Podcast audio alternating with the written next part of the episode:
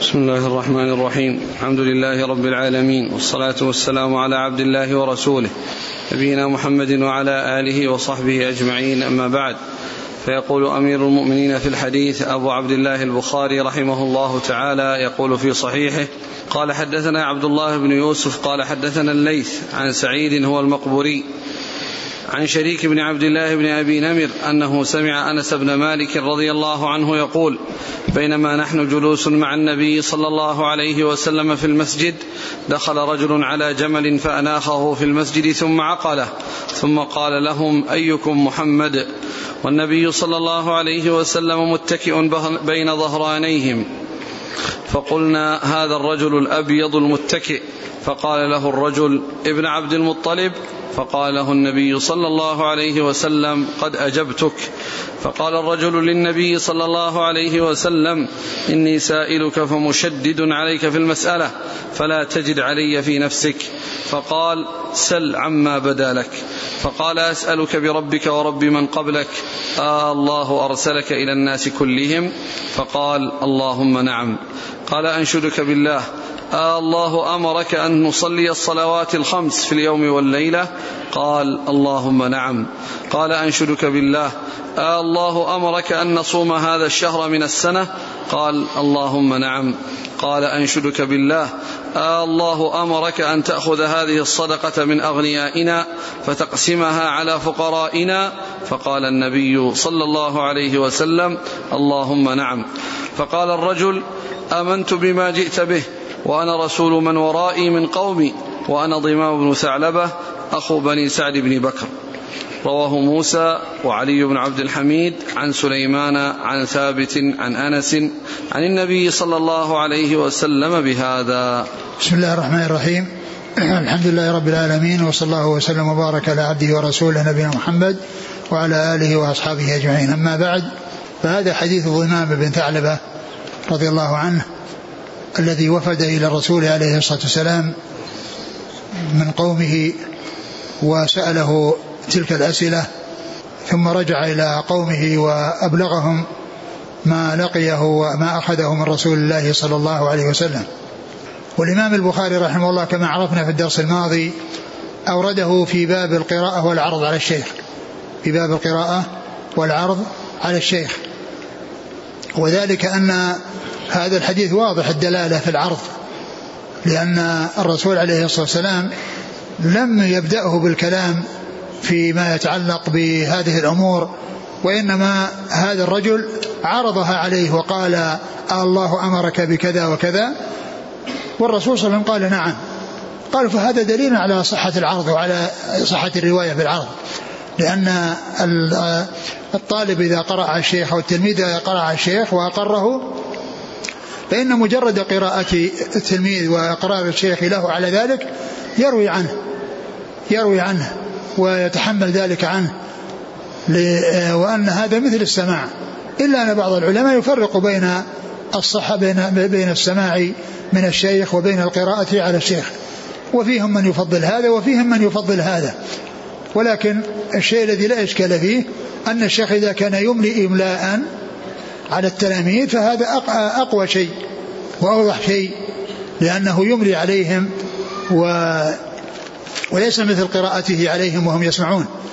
لأن هذا فيه إملاء منه عليهم فيكون أقوى من غيره وأرجح من غيره. لكن من حيث الثبوت كل ذلك معتبر سواء سمع من لفظ الشيخ أو قرئ على الشيخ وهو يسمع وأقر ذلك فإنه يعتبر ذلك مأخوذا عن الشيخ وللإنسان أن يعبر بالتحمل فيقول حدثني فلان أو أخبرني فلان أو أنبأني فلان لأن هذه من طرق التحمل.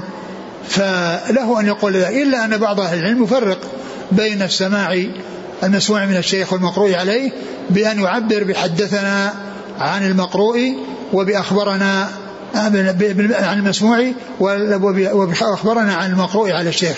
بعض العلماء يفرق بهذا وهذا اصطلاح لبعضهم. ولكن المعروف عن العلماء أنهم يسوون بينهما وأن كل من أخذ عن شيخ سواء كان سماعا أو عرضا فإنه يعبر بحدثنا أو يعبر بأخبرنا أو يعبر بأنبأنا وهذا آه، آه، في الدرس الماضي ذكر المصنف رحمه الله عدة آثار في هذا وأن العلماء يسوون بينها وأنهم آه، يعتبرون صحة الرواية بالعرض وأن ذلك من الطرق الصحيحة التي لا إشكال فيها وهذا الحديث الذي معنا هو واضح الدلالة على هذه أو صحة هذه الطريقة التي هي الأخذ عن الشيخ في حال كون التلميذ قرأ على الشيخ وهو يسمع فأقره الشيخ فيكون بذلك آه، تلقى عنه وتحمل عنه وله أن يؤدي ذلك الذي تحمله عنه سواء قال حدثنا أو قال أخبرنا. وعرفنا في الدرس الماضي أن الحديث فيه ذكر الدخول دخول البعير في المسجد وعقله وفي بعض الروايات أنه لم يدخل المسجد ولكنه عند باب المسجد أو في ساحة المسجد وعلى القول بأن أنه في داخل المسجد يكون فيه دليل على صحة آه، روث البعير وبوله وذلك أن أنه لو كان ذلك لو كان بوله نجسا وروثه نجسا ما آه، أذن الرسول عليه الصلاة والسلام لدخول البعير في المسجد لكن آه، وجود أو حصول الإقرار على ذلك من رسول الله صلى الله عليه وسلم هذا على على على على رواية آه، أنه عقله في داخل المسجد. ولكن ليس الأمر واضحا لأن الحديث واحد وجاء من طرق متعددة وفي بعضها أنه خارج المسجد أو عند باب المسجد. لكن آه، دخول المسجد دخول البعير في المسجد هذا ثابت. أدخله النبي عليه الصلاة والسلام في المسجد الحرام وطاف عليه. ومعلوم أن البعير عرضة لأن يبول وأن يحصل منه الروث. فالرسول عليه الصلاة والسلام ما كان ليعرض المسجد للنجاسة لو كان آه، البعير روثه نجسا وبوله نجسا ولكن إدخاله إياه يدل على طهارته على طهارة بوله وطهارة روثه. وأوضح من ذلك ما جاء في حديث العرانيين الذي آه، فيه أن النبي عليه الصلاة والسلام لما دخل جاء جماعة المدينة واستوبؤوها ويعني حصل لهم يعني المرض أرشدهم النبي عليه الصلاة والسلام وأمرهم إلى أن يخرجوا إلى إبل الصدقة فيأخذوا من أبو فيشربوا من أبوالها وألبانها فيشربوا من أبوالها وألبانها فذهبوا. وحصل منهم ما حصل كما جاء في الحديث. لكن كون الرسول صلى الله عليه وسلم أذن لهم بشرب أبوالها دل على طهارتها. لأن لو كانت نجسة ما أذن لهم الرسول عليه الصلاة والسلام بأن يتداووا بحرام. وأن يشربوا شيئا نجسا آه، لا يجوز شربه. فكون الرسول عليه الصلاة والسلام أذن بشربه آه، دال على على أن بوله طاهر وكذلك روثه يكون طاهرا وأن آه، لثبوت ذلك عن رسول الله صلى الله عليه وسلم. واستعمال الأبوال إنما هو للشفاء. وأما الألبان التي جاءت في الحديث ألبانها وأبوالها فهي للشفاء والغذاء فهي غذاء وشفاء وأما الأبوال فهي فإنما هي للاستشفاء وليست للتغذي وإنما هي للعلاج لأن هؤلاء مرضى وأرسلهم النبي صلى الله عليه وسلم إلى هناك ليحصل لهم العلاج بهذا الذي آه، آه، آه، يحصل لهم من من هذه الإبل. ثم إن العلماء توسعوا في هذا وقاسوا على ذلك كل ما كان من جنس الإبل. قالوا كل ما يؤكل لحمه فإن روثه وبوله طاهر. كل شيء مأكول اللحم أي شيء. لأنه لا فرق بين هذا وهذا الحكم واحد. كل شيء يعني يؤكل لحمه فروثه طاهر وبوله طاهر كالبقر والغنم والضباء والغزلان وال حمر الوحش وغيرها من الحيوانات وكذلك الطيور وكذلك الطيور فإنها كلها يعني آه، ما يخرج منها فإنه يكون طاهرا لدلالة هذا الحديث أو هذه الأحاديث المتعلقة بالبعير. ثم أن آه، ثم إيش قال؟ بعدين؟ ثم قال لهم أيكم محمد؟ ثم قال أيكم محمد؟ أيكم محمد؟ والرسول عليه الصلاة والسلام كان يكون بين أصحابه لا يعرف. وذلك من تواضعه عليه الصلاة والسلام. فكان يجلس بينهم لا لا يعرف من هو الرسول صلى الله عليه وسلم. الذي الذي يأتي يعني غير لا يعرفه لا يدري من هو. ولهذا سأل هذا الرجل أيكم محمد؟ يعني يعرف أن هذا مجلس فيه محمد لكن من هو؟ هذا هو الذي يريد أن يعرفه. قالوا هذا الأبيض المتكي. هذا الرجل الأبيض المتكي. والمتكي يعني أنه معتمد على أحد شقيه و يعني هذا يدل على جواز مثل ذلك. والاتكاء يكون بهذه الطريقة ويكون أيضا بالتربع لأن هذا قال له متكي لأنه متمكن في الجلوس وال آه، وقوله الأبيض يعني الأبيض المشرب بحمرة وليس ابيضا أبيض يعني خالصا لا حمرة فيه لأن هذا هو المعروف من هيئته صلى الله عليه وسلم وكيفية خلقته عليه الصلاة والسلام وهو أنه بياض مشرب بحمرة صلوات الله وسلامه وبركاته عليه فلم يكن أبيض ولا آدم وإنما هو أبيض مشرب بحمرة صلوات الله وسلامه وبركاته عليه. وهذا كان في أول الأمر وبعد ذلك الصحابة عرضوا عليه أن يبنوا له دكانا يعني مكان مرتفع يجلس عليه بحيث إذا جاء أحد وإذا هو يعرف بأن هذا رسول الله عليه الصلاة والسلام. وقد جاء هذا في آه، حديث جبريل يعني في ذكر حديث جبريل وعند الكلام عند روايات حديث جبريل المشهور الذي فيه أن جبريل جاء إلى النبي صلى الله عليه وسلم وسأله عن الإسلام والإيمان والإحسان. وكان النبي عليه الصلاة والسلام كان بين أصحابه فعرضوا عليه أن يبنوا له دكانا يعني مكان مرتفع يجلس عليه حتى ما يتميز به وحتى من يأتي يعرف أنه رسول الله عليه الصلاة والسلام وحتى أيضا يعني يبرز ليراه الجميع يعني حتى لو كثر الناس وكثر اتسع المجلس فإن الجميع يرونه ويسمعون كلامه صلى الله عليه وسلم. ثم قال له ابن عبد المطلب يعني أنت ابن عبد المطلب؟ قال قد أجبتك يعني نعم هو ابن عبد المطلب. وإنما نسبه إلى جده لأنه مشتهر به. وهذا يدل على أن أن أن الإنسان قد ينسب إلى جده لاشتهاره به. وقد يكون الأب غير مشهورا ولو آه، أضيف إليه إلى إلى أبيه ما يكون واضح وإنما يكون أوضح إذا نسب إلى جده. ولهذا كان كان بعض الرواة يعني يذكرون الراوي بما اشتهر به. الراوي بما اشتهر به مثل ابن شهاب الزهري ومحمد بن عبيد الله بن مسلم محمد بن مسلم بن عبيد الله آه، آه، ابن شهاب. يعني جد من أجداده. يعني شهاب. فكان مشتهرا به ولهذا اشتهر بأن يقال ابن شهاب. اشتهر بأن يقال ابن شهاب أو يقال الزهري. فينسب إلى جده الذي اشتهر به. قال ابن عبد المطلب. ف وقد قال النبي صلى الله عليه وسلم أنا, أنا ابن عبد المطلب. قد قال عليه الصلاة والسلام في بعض الغزوات أنا ابن عبد المطلب. هكذا قال عليه الصلاة والسلام. ثم إنه قال إني سائلك ومشدد عليك يعني في المسألة. فقال عليه السلام سلم عما بدا لك.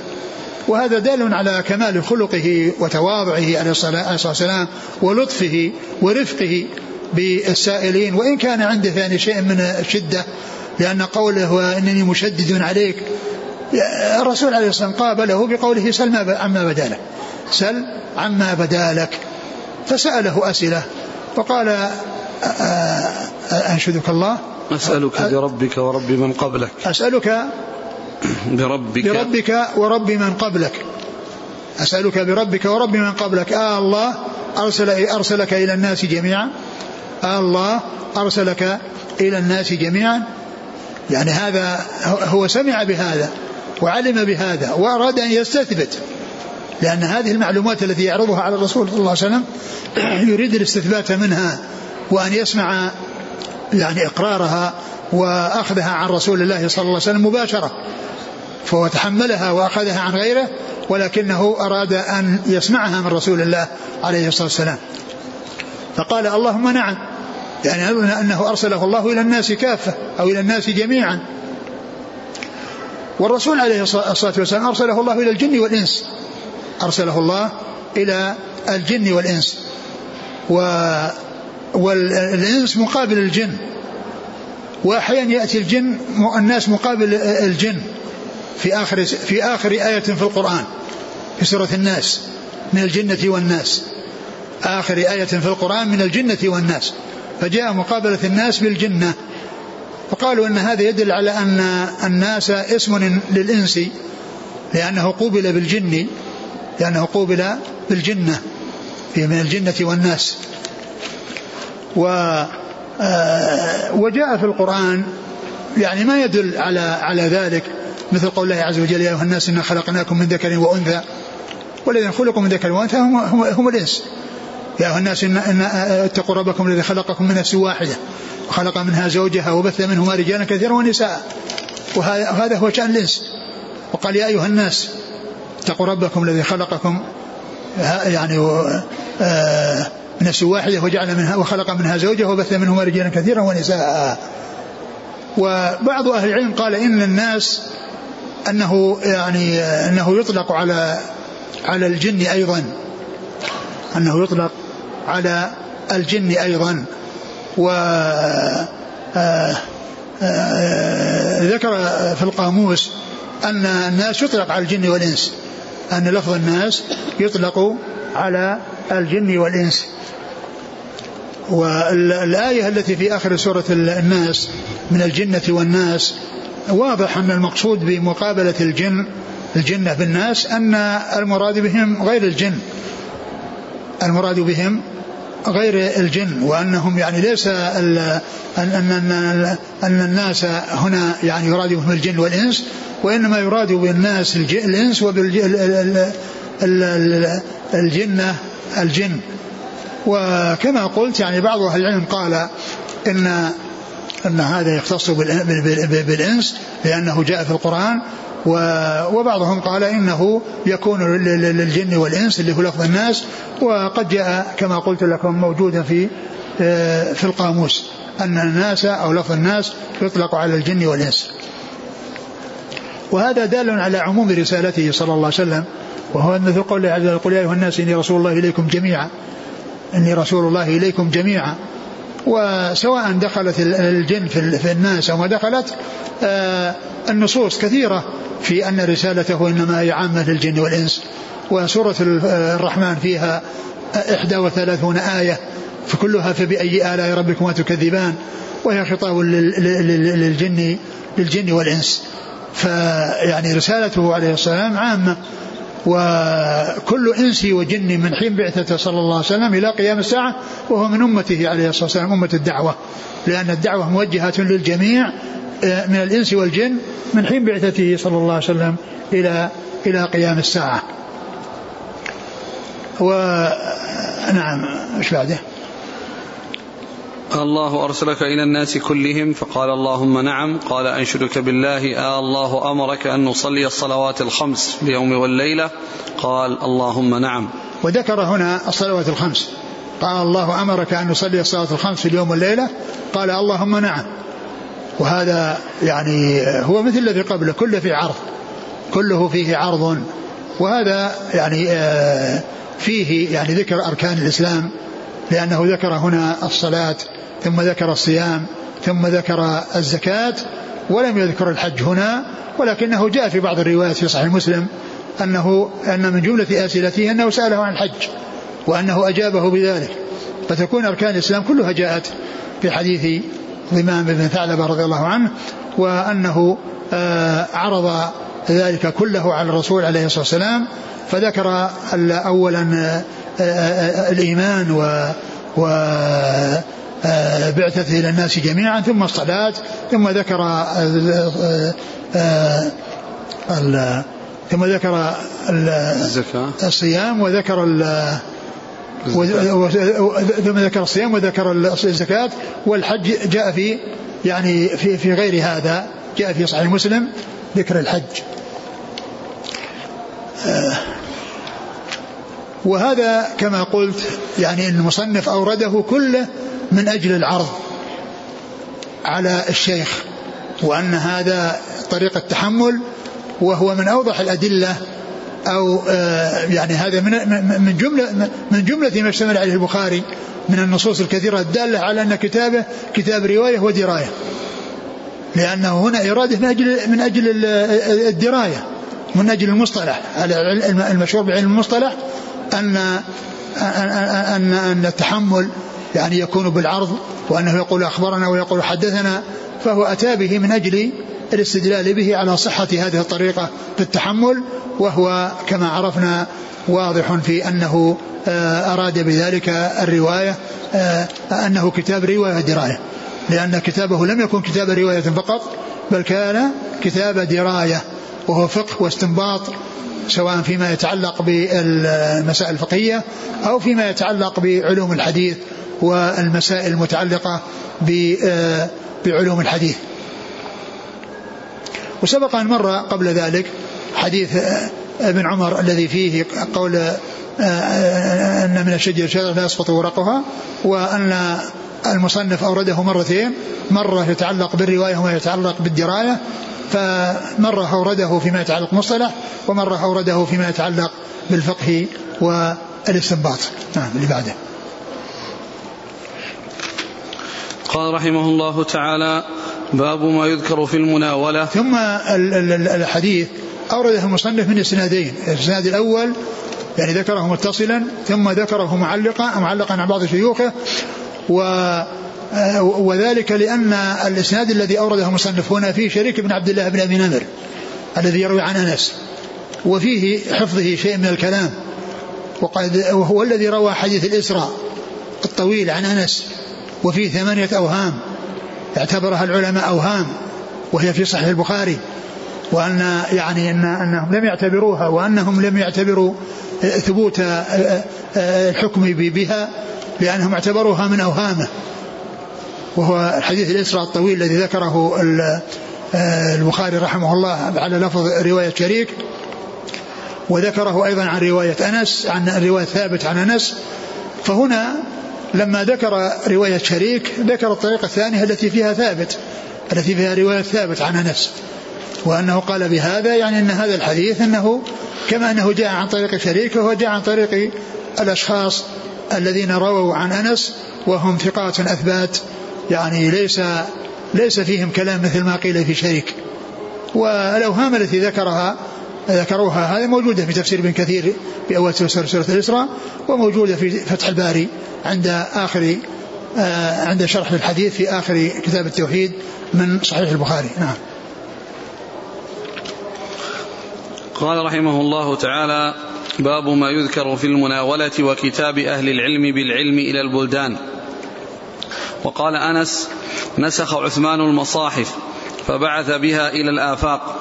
ورأى عبد الله بن عمر ويحيى بن سعيد ومالك ذلك جائزا واحتج بعض أهل الحجاز في المناولة بحديث النبي صلى الله عليه وسلم حيث كتب لأمير السرية كتابا وقال لا تقرأه حتى تبلغ مكان كذا وكذا. فلما بلغ ذلك المكان قرأه على الناس وأخبرهم بأمر النبي صلى الله عليه وسلم.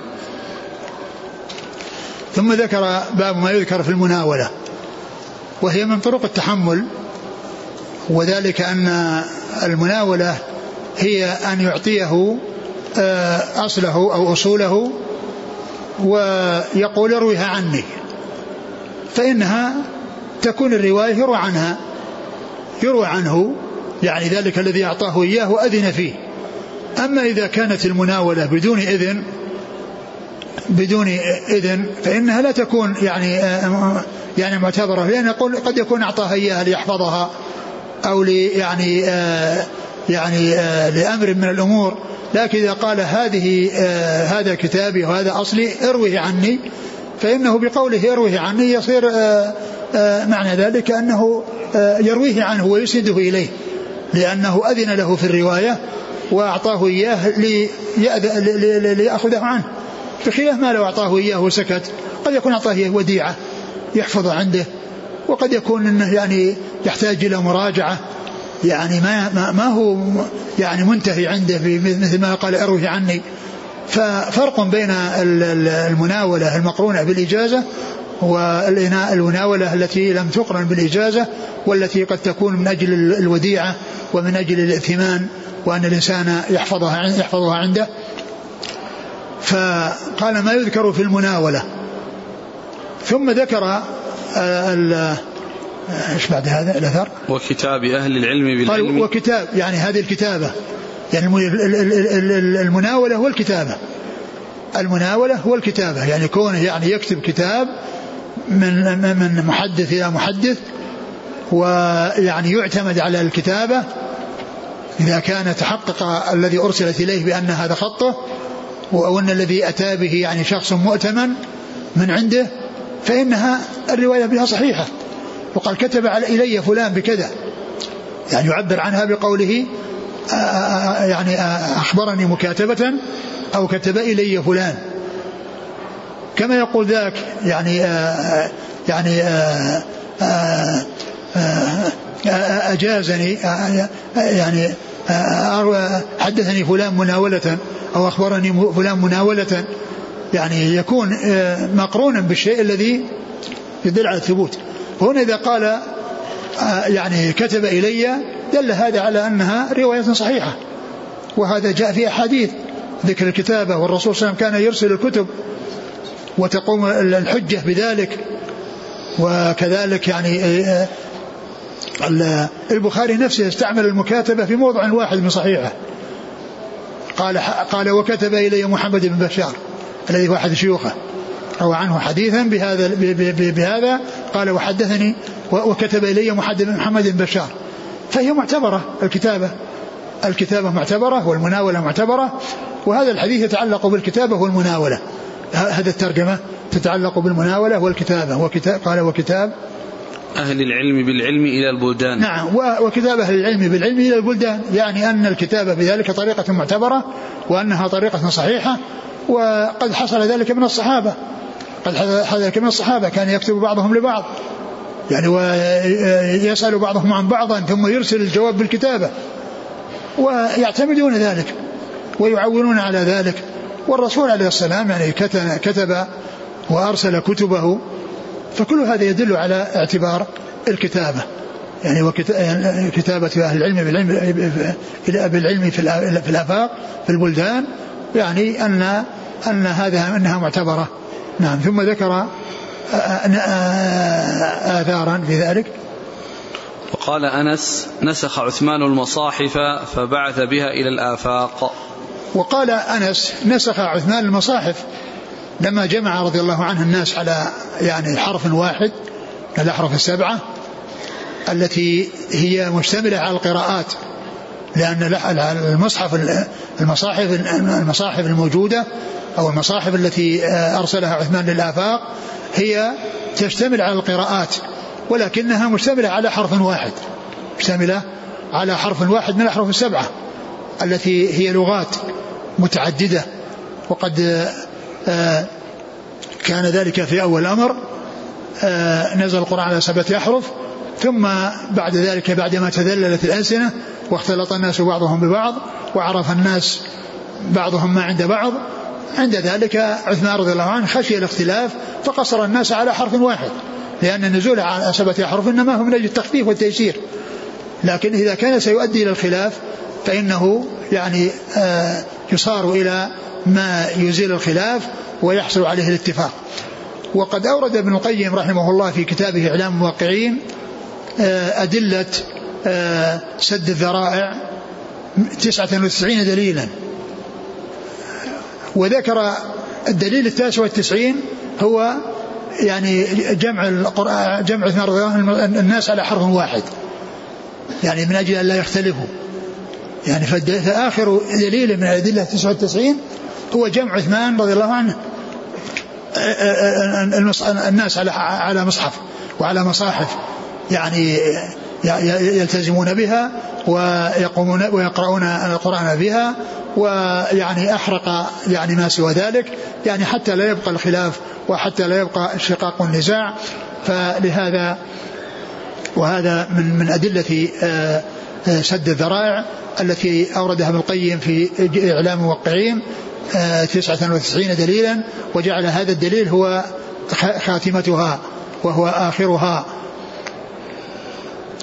فهو كما يعني كما ذكر المصنف لأن كونه كتب المصاحف وأرسلها الناس وأمرهم بأن يلتزموا بها يعني هو هو كتابه مثل مثل ما ترجم له كتابة العلم كتابة العلم إلى الناس وإرساله. فإذا هذا الكتاب أرسله عثمان أو المصاحف أرسلها عثمان بعدما كتبت وأمرهم بالقراءة منها واعتمادها والتعويل عليها فذلك صار اعتماد على الكتابة. يعني معناه هذا من أدلة الاعتماد على الكتابة. نعم. ورأى عبد الله بن عمر ويحيى بن سعيد ومالك ذلك جائزا. يعني ورأى عبد الله بن عمر ويحيى بن سعيد ومالك يعني ذلك جائزا. يعني الرواية بالكتابة واعتبار الكتابة وأن ذلك جائز. وعبد الله بن عمر ذكر الحافظ بن حجر أنه يحتمل أنه يعني يحتمل يكون عبد الله بن عمر العمري الذي هو من طبقة متأخرة. وقال إن يعني أنه يعني آه، وجد أو ما يدل على أنه عبد الله بن عمر اللي هو صحابي فيكون بذلك يعني قدمه لكونه صحابي وذكر بعده يعني من من هو يعني غير صحابي الذي هو مالك و و يحيى بن سعيد. ويحيى بن سعيد يحيى بن سعيد الأنصاري. يحيى بن سعيد الأنصاري لأن هذا من شيوخ مالك. يحيى بن سعيد الأنصاري شيوخ مالك ولكنه يروي عنه أحيانا من رواية الأكابر عن الأصاغر. يحيى بن سعيد الأنصاري يروي عن مالك أحيانا وتعتبر من رواية الأكابر عن الأصاغر. نعم. واحتج بعض أهل الحجاز في المناولة بحديث النبي صلى الله عليه وسلم حيث كتب لأمير السرية كتابا وقال لا تقرأه حتى تبلغ مكان كذا وكذا. فلما بلغ ذلك المكان قرأه على الناس وأخبرهم بأمر النبي صلى الله عليه وسلم. وهذا الحديث يعني يدل على المناولة. احتج بعض الحجاز قال حافظ حجر المراد به الحميدي يعني شيخ البخاري. عبد الله بن الزبير المكي الحميدي هو الذي يعني احتج به وأورد الحديث في كتابه النوادر قال حافظ بن حجر يعني محتجا ب يعني بذلك على المناولة محتجا بذلك على المناولة قال احتج بعض أهل الحجاز والمراد بالحميدي كما قال ذلك الحافظ بن حجر في الفتح وذلك أنه ناوله الكتاب وقال لا تقرأه إلا في مكان كذا وكذا أو بعد كذا وكذا. يعني فهذا فيه الدليل على الاعتماد على المناولة. لأنه ناوله كتابا وأمره أن يفتحه بعد ذلك وأن آه، يقرأه على الناس وأن آه، يعتمدوا ما فيه وأن يأخذوا بما فيه. فهذا يدل على المناولة. يعني هذا الحديث يدل على المناول والحديث يعني ذكر الحافظ بن حجر أنه يعني صالح للاحتجاج وأنه حسن وذكر من خرجه. نعم. قال حدثنا إسماعيل بن عبد الله قال حدثني إبراهيم بن سعد عن صالح عن ابن شهاب عن عبيد الله بن عبد الله بن عتبة بن مسعود أن أن عبد الله بن عباس رضي الله عنهما أخبره أن رسول الله صلى الله عليه وعلى آله وسلم بعث بكتابه رجلا وأمره أن يدفعه إلى عظيم البحرين فدفعه عظيم البحرين إلى كسرى فلما قرأه مزقه. فحسبت أن ابن المسيب قال فدعا عليهم رسول الله صلى الله عليه وسلم أن يمزقوا كل ممزق. ثم ذكر هذا الحديث الذي فيه ال ال ال الذي فيه الكتابة وأن الرسول عليه الصلاة والسلام كتب كتابا إلى كسرى وبعث به إلى عظيم البحرين وهو تابع لكسرى. فيعني وذاك أوصله إلى إلى كسرى. وكسرى لما يعني قرأ الكتاب مزقه. وهذا يدل على شدة كفر المجوس. وأن يعني كفرهم شديد. والكفار متفاوتون في الكفر. ليسوا كلهم على حد سواء. يعني كلهم من أهل النار وكلهم كفار ولكن بعضهم أشد كفرا من بعض. بعضهم أشد كفرا وأشد حقدا وأشد غيظا على المسلمين. ف ولهذا هناك فرق بين ما حصل من كسرى وما حصل لقيصر. قيصر لما جاءه كتاب الرسول صلى الله عليه وسلم احتفظ به واحترمه ووقره واحتفظ به وهذا مزقه. وكلهم يعني كفار إلا أن هذا لأهل الكتاب وهؤلاء مجوس ليس لهم ليسوا أهل الكتاب. وهؤلاء مجوس. ف فكفرهم أشد. هذا قابل الكتاب يعني بالتمزيق وهذا قابله بالاحترام والتوقير والاحتفاظ به. ولهذا أخرجه لما جاء في قصة آه، هرقل آه، يعني أبو سفيان مع هرقل أتى بالكتاب فقرئ الذي أتى به دحية بن خليفة الكلبي رضي الله عنه. ف ولهذا الله عز وجل ذكر في القرآن آه، فرح المؤمنين بانتصار الروم على على الفرس لأن لأن هؤلاء أخف. لأن لأنهم أخفوا من أولئك. غلبت الروم في عذابهم بعد غلب سيغلبون في بضع سنين. لله الأمر من قبل ويومئذ يفرح المؤمنون بنصر الله. يعني فرحوا بانتصار الروم على الفرس. لأن هم كلهم كفار إلا أن بعض بعض الشر من بعض. بعض الشر أهون من بعض. فأرسله إلى عظيم البحرين وعظيم البحرين أرسله إلى كسرى وكسرى مزقة. ولما بلغ ذلك الرسول صلى الله عليه وسلم دعا عليهم أن يمزقوا وأن يمزق ملكهم. فيعني محل الشاهد من هذا هو المكاتبة واعتبار المكاتبة والتعويل عليها. نعم. أحد الحديث. عن عبد الله بن عباس أن رسول الله صلى الله عليه وسلم بعث بكتابه رجلا وأمره أن يدفعه إلى عظيم البحرين.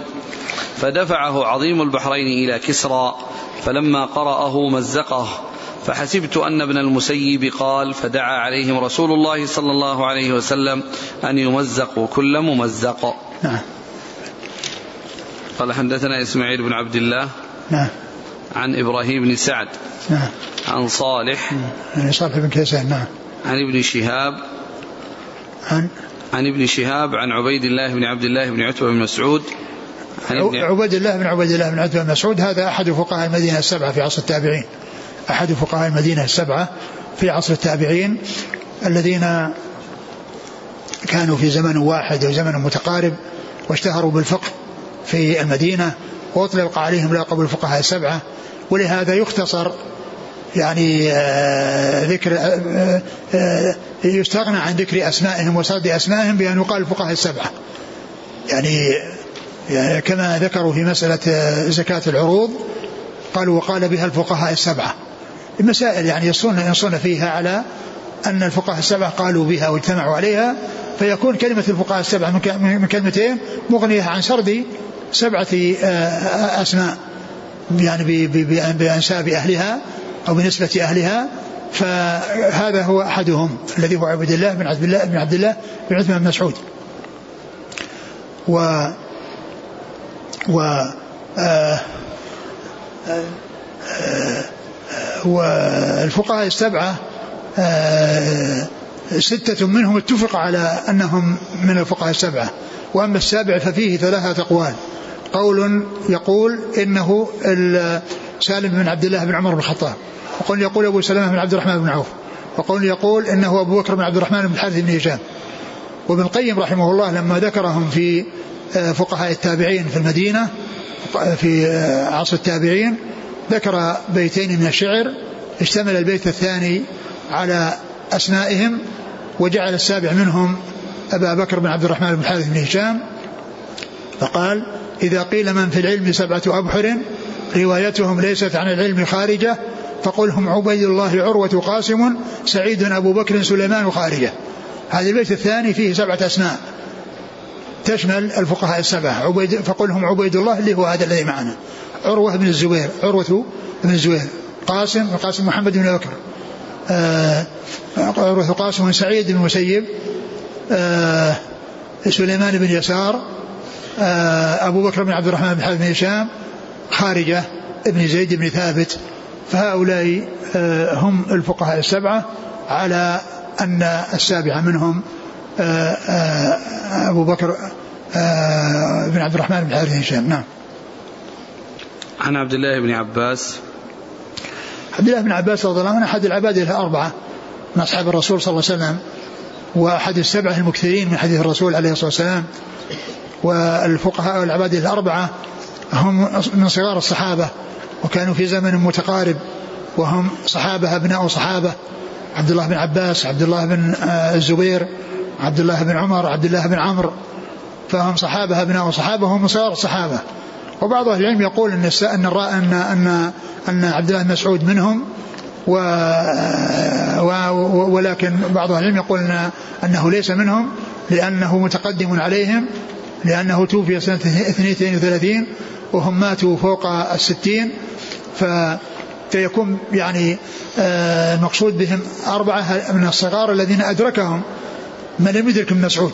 أدركهم من لم يدرك ابن مسعود. وهو أيضا آه، أحد السبعة المكثرين من حديث الرسول صلى الله عليه وسلم الذين زادت أحاديثهم على ألف حديث في الكتب الستة. و وهم آه، وقد جمعهم السيوطي في الألفية. فقال والمكثرون في رواية الأثر أبو هريرة يليه بن عمر وأنس والبحر البحر بن عباس وأنس والبحر كالخدري وجابر وزوجة النبي يعني عائشة رضي الله عنها. فهؤلاء هم المكثرون من رواية حديث رسول الله صلى الله عليه وسلم وحديثهم والذي زاد حديثهم على أكثر من ألف حديث في الكتب آه، الستة. وهم ستة رجال وامرأة واحدة رضي الله عنهم وعن الصحابة أجمعين. الإسناد لطيفته أنهم مدنيون. إسماعيل بن عبد الله عن إبراهيم بن سعد عن صالح عن ابن شهاب عن عبيد الله بن عبد الله بن عتبة عن ابن عباس. نعم. قال حدثنا محمد بن مقاتل أبو الحسن. قال أخبرنا عبد الله. قال أخبرنا شعبة عن قتادة عن أنس بن مالك رضي الله عنه أنه قال كتب النبي صلى الله عليه وعلى آله وسلم كتابا أو أراد أن يكتب فقيل له إنهم لا يقرؤون كتابا إلا مختوما. فاتخذ خاتما من فضة نقشه محمد رسول الله. كأني أنظر إلى بياضه في يده فقلت لقتادة من قال نقشه محمد رسول الله؟ قال أنس.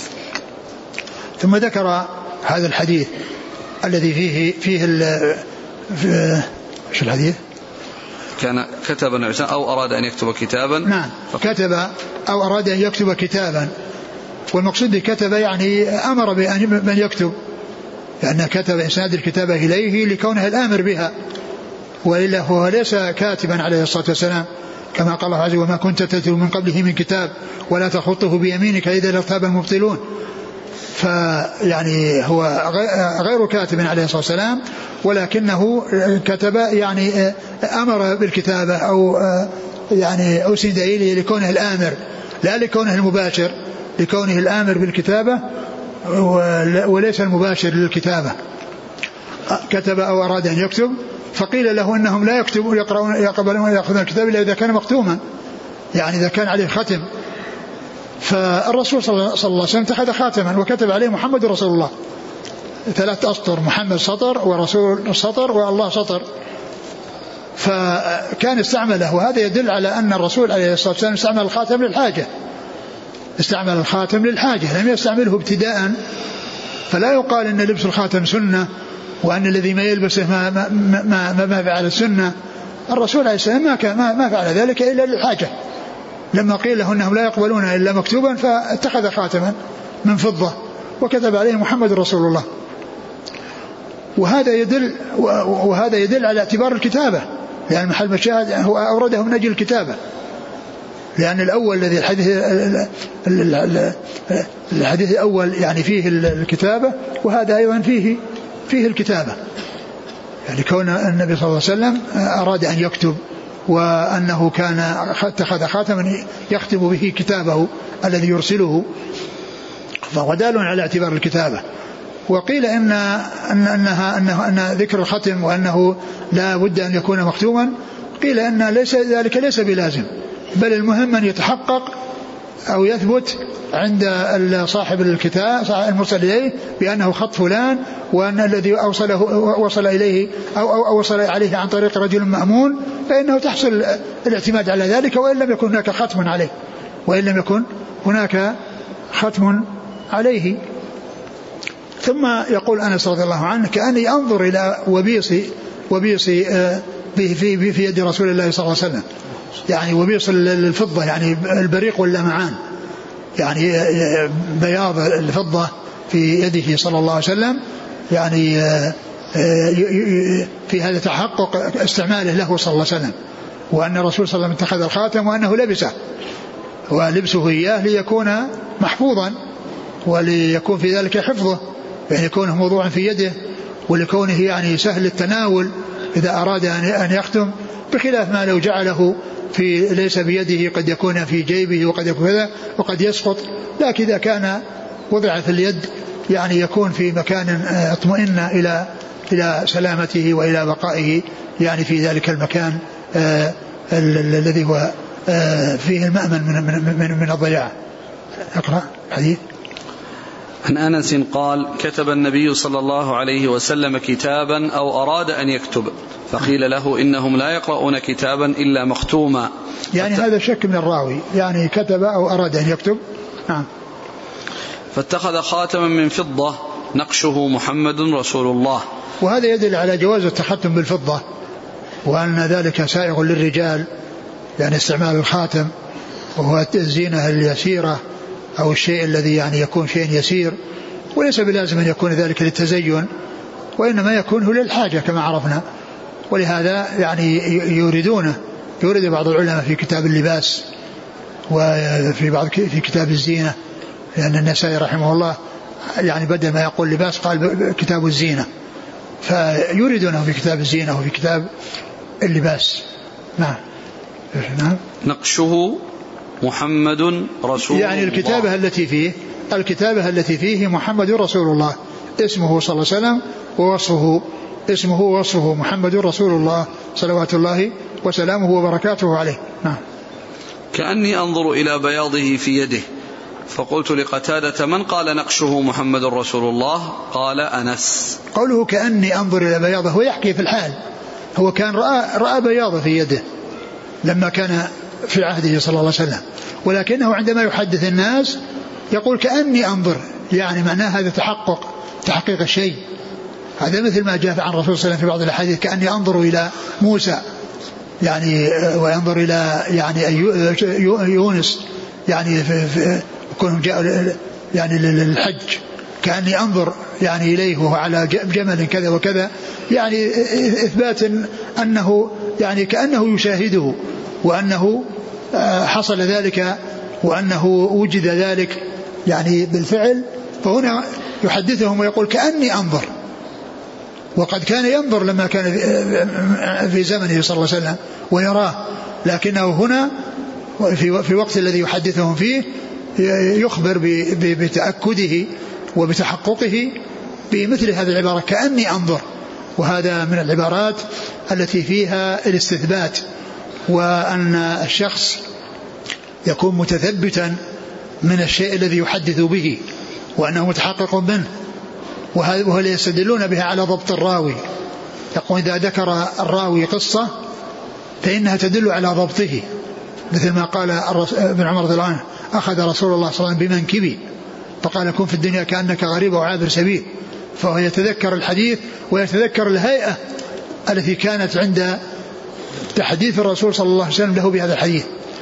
وكذلك الحديث الذي فيه آه، أبو شريح الخزاعي الذي قال عمرو بن سعيد الأشتق وهي جهز الجيوش لغزو بن الزبير قال أيها الأمير إذن لي أيها الأمير أن أحدثك بحديث سمعته من النبي صلى الله عليه وسلم آه، الغد من يوم الفتح الغد من يوم الفتح سمعته أذناي ووعاه قلبي وأبصرته عيناي وهو يتكلم به.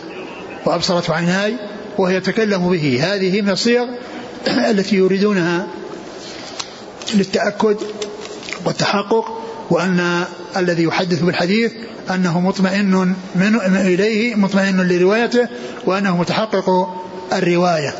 كأني أنظر إلى وبيصه في يده صلى الله عليه وسلم. يعني وبيص الوبيص واللمعان يعني يبرق يعني الفضة يعني بيضاء. نعم. قال حدثنا محمد بن مقاتل أبو الحسن. نعم. عن عبد الله بن المبارك نعم. عن شعبة. نعم. عن قتادة عن أنس. نعم. قال رحمه الله تعالى باب من قعد حيث ينتهي به المجلس ومن رأى فرجة في الحلقة فجلس فيها. قال حدثنا إسماعيل قال حدثني مالك عن إسحاق بن عبد الله بن أبي طلحة أن أبا مرة مولى عقيل بن أبي طالب أخبره عن أبي واقد الليثي أن رسول الله صلى الله عليه وسلم بينما هو جالس في المسجد والناس معه إذ أقبل ثلاثة نفر فأقبل اثنان إلى رسول الله صلى الله عليه وسلم وذهب واحد. قال فوقف على رسول الله صلى الله عليه وسلم فأما أحدهما فرأى فرجة في الحلقة فجلس فيها وأما الآخر فجلس خلفهم وأما الثالث فأدبر ذاهبا فلما فرغ رسول الله صلى الله عليه وسلم قال ألا أخبركم عن النفر الثلاثة؟ أما أحدهم فأوى إلى الله فآواه الله وأما الآخر فاستحيا فاستحيا الله منه وأما الآخر فأعرض فأعرض الله عنه. ثم ذكر هذه الترجمة وهي باب آه، آه، جلوس حيث ينتهي بالمجلس ومن وجد فرجة ف في الحلقة فجلس فيها. فرجة في الحلقة فجلس فيها.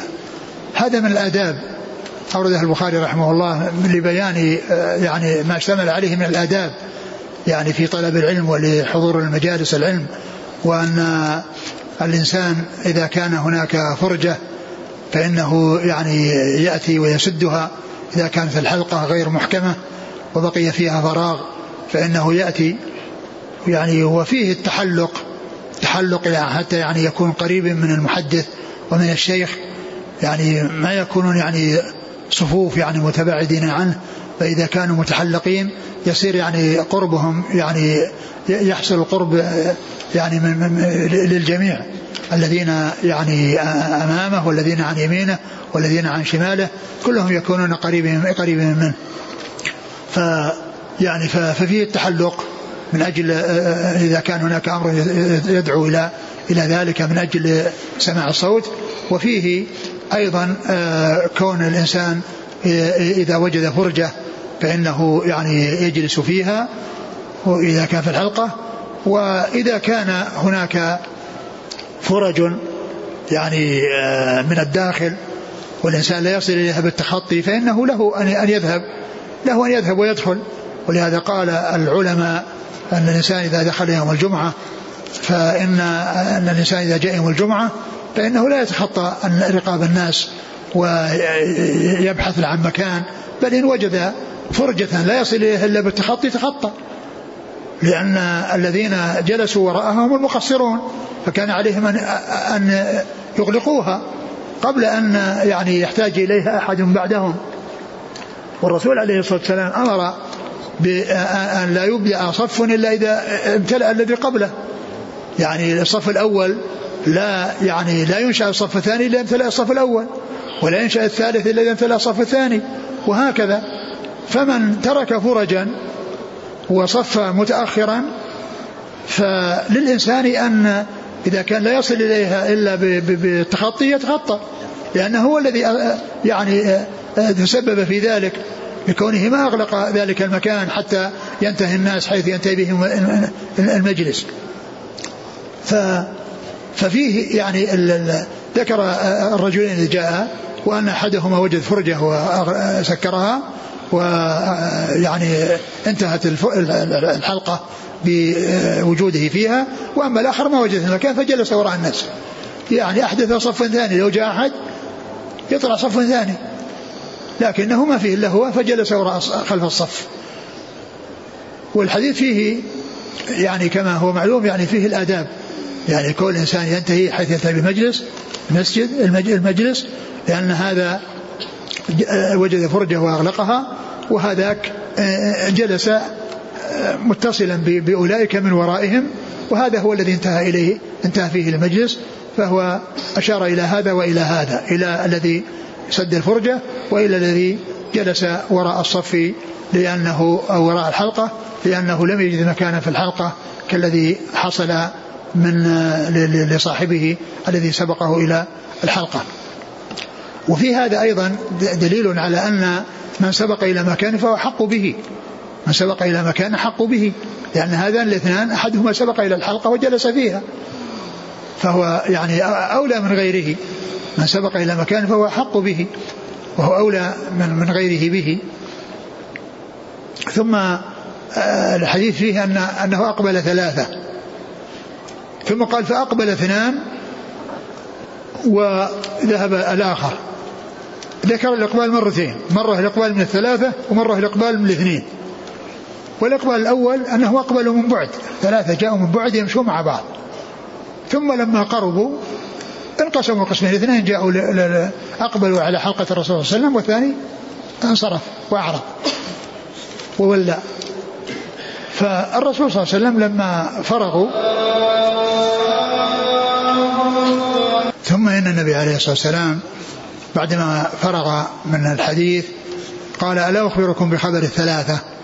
يعني هؤلاء الذين جاءوا ودخلوا ثم اثنان منهم أقبلوا أقبل وجلس أحد في الحلقة التي لم يبق مكان إلا لمكان واحد والثاني جلس وراء الحلقة والثالث انصرف وولى فقال عليه الصلاة والسلام أما أحدهما فأوى فأواه الله.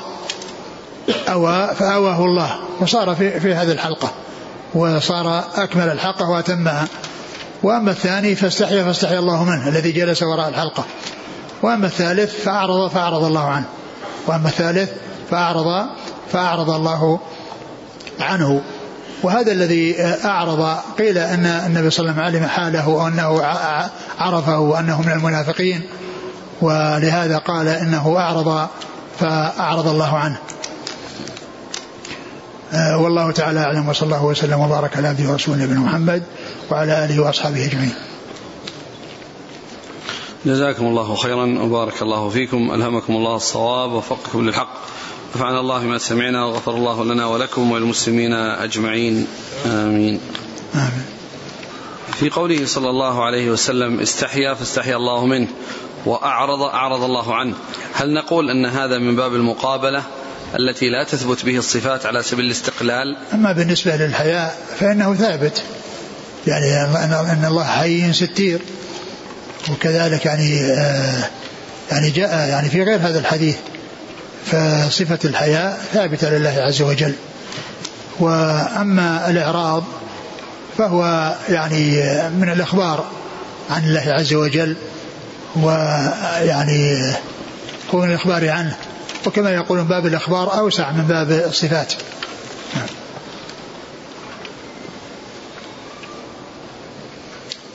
يقول حافظ بن حجر ومعنى فآواه الله أي جازاه. بنظير فعله بأن ضمه إلى رحمته ورضوانه. أليس هذا التأويل المعنى هذا لا شك أنه هو تفسير يعني إذا كان المقصود به يعني ال ال كونه يعني ضمه إلى رضوانه يعني إذا كان هذا هو لازم المعنى. لكن حتى الثاني من ناحية أن يكون فعل ما عليه وأدى ما عليه وشمل وشملته يعني رحمة الجلوس في هذا المكان يعني ليس خاصا به. ولكن المقصود من أنه يعني أوى فصار مثل الذي دخل في مكان فاختص به. مثل أوى إلى بيت أو دخل في بيت آه يعني فيكون هذا آه حصل له ما لم يحصل للآخر. بكونه آه وجد مكان يستقر فيه فأوى فأواه الله. أوى يعني إلى هذا المكان ودخل في هذا المكان واختص بهذا المكان وسبق إلى هذا المكان. فهذا هو الذي يناسب يعني من حيث المعنى. أما من ناحية الرحمة حتى ذاك يعني أيضا يعني نفس الرحمة يعني تشمله. وكذلك قال فاستحيا الله منه أي رحمه ولم يعاقبه. لا إذا كان المقصود المقصود أثر الصفة إذا كان المقصود لازم الصفة وأثر الصفة يعني لا بأس. أما إذا قيل أن هذا هو المقصود بالصفة فهذا غير صحيح. غير صحيح لأن أحيانا قد يعني تفسر بلازمها. مثل ما يقول تبارك الذي بيده الملك. تبارك الذي بيده الملك يعني يقول في ملكه وتحت تصرفه. إن كان المقصود بأنه لا يثبت اليد وأن المقصود باليد ملك وتصرف هذا غلط. وإن كان يثبت اليد ويقول أن هذا يعني ثمرة الصفة وأثر الصفة وأن أن أن أن, أن, أن بيده سبحانه وتعالى السماوات والأرض وأنها في قبضته سبحانه وتعالى فيكون ذلك من من من من, من, من مع إثبات الصفة آه، آه، إثبات اللازم أو الأثر. المترتب عليه مثل مثل آه، الرحمة. الرحمة هي صفة وأثر صفة. من صفات الله عز وجل أنه الرحمة الرحمن. من أسماء الرحمن ومن صفات الرحمة. والجنة هي رحمة الله. لكنها ليست هي الصفة. لأن فيه رحمة صفة وفيه أثر الصفة فالجنة من أثر الصفة وليست هي الصفة. والصفة هي صفة الله التي اتصف الله تعالى بها. وكذلك فانظر إلى آثار رحمة الله المطر الذي يأتي ويحصل ليس هذا هو الرحمة الذي هي الصفة ولكنه أثر الرحمة وأثر الصفة. يقول شيخنا سلمك الله هل من السنة اتخاذ خاتم من حديد؟ ينقش لا, لا ما يجوز اتخاذ الحديد الحديد يعني لا لا يتختم به. لا يتختم بالحديد وجاء ما يدل على أنه حلة أهل النار. طيب إذا اتخذ خاتم من فضة نقش عليه اسمه واسم أبيه ليجعله ختما على أمور تخصه. ما في بس هذا هو الأصل. طيب هل هل هذا من السنة؟ لا ما ما يقال ان السنة لبس اتخاذ الخاتم. جائز يقال يقال إنه جائز ولكن لا يقال إنه سنة. هذا يقول هل يجوز لي أن أصنع خاتما من فضة وأكتب عليه محمد رسول الله؟ لا ما يجوز. أبدا. ليس الإنسان يفعل هذا. يقول هل المناولة معناها أن يعطيه كتاب وسماعه بيده؟ ويقول أجزت لك أن تروي عني أو يكتفي بمجرد إعطاء الكتاب للتلميذ؟ أنا قلت أنه في تفصيل. كونها أعطاه الكتاب ولم يقل اروه عني هذا يعني غير ما إذا قال اروه عني. يعني معناه الكتاب أعطاه إياه وهو أصله وقال اروه عني. فيرويه بقوله اروي عني. أما إذا أعطاه إياه سكات يمكن أعطاه أمانة وديعة. يمكن يخشى أنه يتلف عنده أو أن أحد مكانه مو حصين يعني فأراد أن يكون في مكان الحصين يعني في مكان يعني يطمئن إلى سلامته. فإن فرق بين كونه يعطيه إياه ويقول هذا أصل يروي عني أو يعطيه إياه ويقول خذ خذ هذا هذا الشيء ولا قال له شيء وراء ذلك. فرق بين المناولة المجردة عن الإجازة والمناولة المقرونة بالإجازة. كذلك هذا التفصيل في المكاتبة. مكاتبة يشترط فيها الإذن أو لا يشترط؟ لا ما يشترط فيها إذن. الكتابة إذا كتب له بالحديث أو كتب له يعني بشيء فإنه يعتمده. يقول هل يشترط لقيام الحجة بالمكاتبة أن يكون الكتاب مختوما وحامله مؤتمنا؟ نعم هو يعني كونه مختوما ليس بلازم وإنما أن يكون مؤتمنا وأن يكون ولهذا يعني هذه الكتب التي يعطونها توصل إلى من شخص إلى شخص يعني من أجل أن يأتي بها ما فيها ختم. وإنما المهم أن يكون مأمونا وأن يكون الخط خطه وأنه متحقق أنه خطه. جزاكم الله خيرا. سبحانك اللهم وبحمدك أشهد أن لا إله إلا أنت أستغفرك وأتوب إليك.